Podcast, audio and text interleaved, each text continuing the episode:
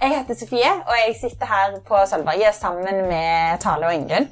Og vi er jo alle bibliotekarer på Sølvberget som ikke har lest så veldig mye poesi, men har begynt å gjøre det den siste tiden.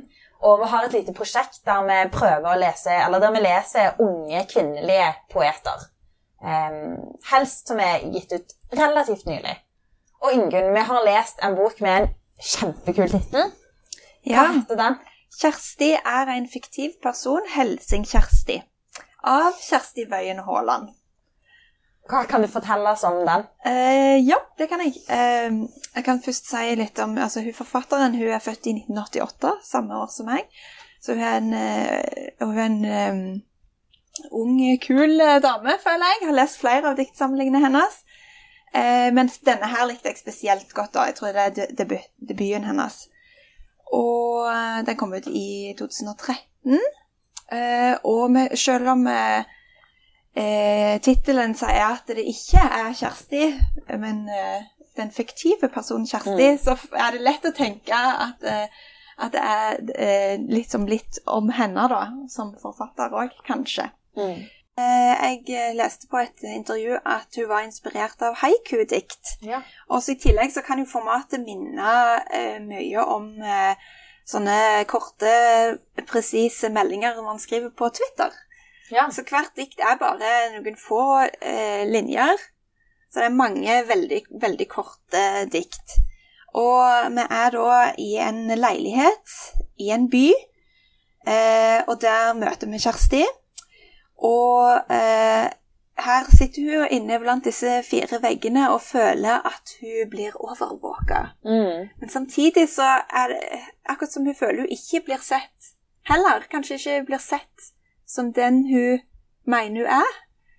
Så det, det er en slags eh, paranoia her, Mm. eh, føler jeg, med den overvåkningen. Men det handler òg om hvordan hun eh, ønsker å bli sett, eller tror hun blir sett. Og vi skjønner òg at det er en eh, eh, Det er et sånn tydelig savn etter en person Mm. som kanskje er en tidligere kjæreste. Jeg føler jo at det er den personen hun føler hun ikke blir sett av. Ja, kanskje det er det. Eller, ja, jeg, det er sånn jeg leser det, at um, alle ser meg, eller egentlig alle ser meg hele tida. Det er en leilighet med kanskje litt tynne vegger, hun hører hva naboen holder på med, og tenker alltid på de aktivitetene hun driver med i forhold til det naboen gjør, og de hører sikkert hva hun gjør, og alle kan se henne hele tida. Men den ene personen hun vil at skal se henne, han eller hun ser henne ikke.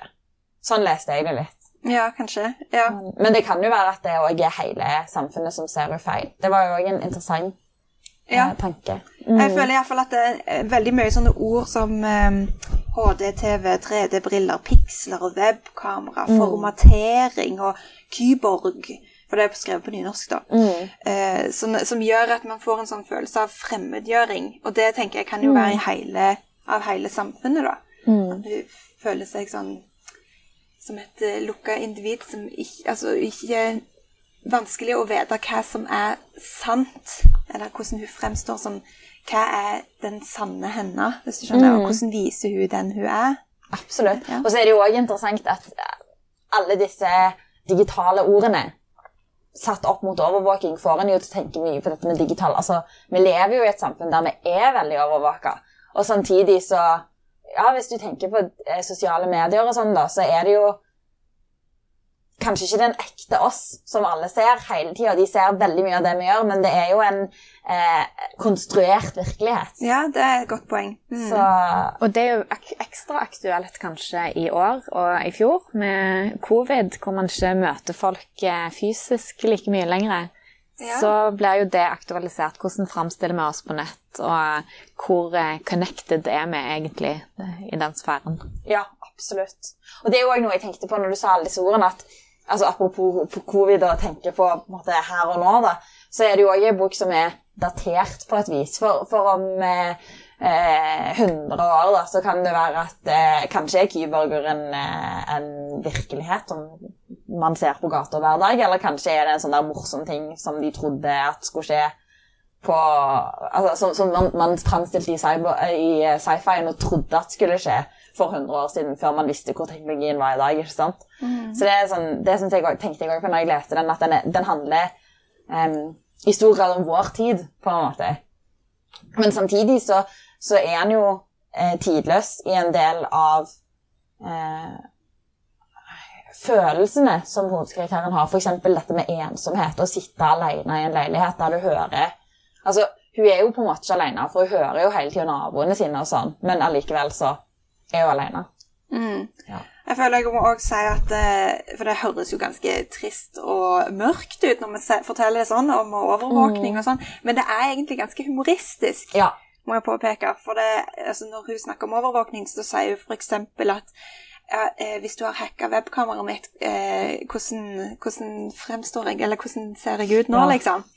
Og i tillegg så er det eh, en om at hun snart er ferdig å formatere eh, våkne med ledningen i munnen. Ja. så, det, så Ja, og det ikke er minst at hun poserer jo, eh, sånn Mm. i tilfelle hun blir overvåka. ja, ja, ja. Ja. Og det er jo en sånn morsom Altså, hun, hun gjør jo mange rare ting, men hun skriver òg mye om Altså, som, som det eksempelet du ga, da. Lever jeg et normalt liv? Eller hvis, hvis, jeg, eh, hvis jeg er på webkamera, se, hvordan ser jeg ut? Ser jeg normal ut? Men bare den tanken er jo på en måte litt rar. Så hun, hun setter på en måte hele tida opp eh, det livet hun lever mot, hva er normalt, og er livet jeg lever normalt, og setter spørsmål ved det. Um, Og det går jo òg mye inn på dette med å på en måte være voksen og bo alene første gang, og hva, hva er det andre folk gjør, hvordan lever andre folk livet sitt. ja Eh, absolutt. sånn jeg ser at det Man skjønner jo at dette er en ganske ung person. Ja. ja. Og Jeg tenker jo at dette er en, en diktbok som studenter burde lese. Så Ja. gjerne ganske rett etter de kommer til, til ny hybel. Eh, eller til, altså første gang de skal bo alene, da. Eh, når jeg, første gang jeg bodde alene, så var jeg jo egentlig ganske voksen, for jeg har jo bodd med samboer så lenge jeg har bodd ikke med foreldrene mine. Men jeg var på utveksling, og da bodde jeg plutselig alene. Og jeg husker den der følelsen av å på en måte være alene for første gang. og at det, Jeg vet ikke, en sånn sånn fremmedgjøring. Jeg klarer ikke helt å forklare det. Det kan jo godt være fordi at jeg var for første gang og jeg bodde ikke i Norge. Men det var en sånn merkelig følelse. Og jeg, når jeg leste den boka, så, så var jeg i det på et vis. Så jeg Ja. tror at dette er en, en bok som kan treffe studenter som nettopp har flytta hjemmefra, veldig bra. da. ja. Ja. Det er et godt poeng. Det, da har vi en, en mulig målgruppe for, Ja. uh, for diktsamlingen. Absolutt. Men han passer jo for alle. Men jeg, jeg tror nok at, at det er en Ja. Og at det er omtrent den alderen hun er på i dag. Ganske sånn eh, ung, ung voksen. Sånn mellom 19 og 24, vil jeg tro nesten.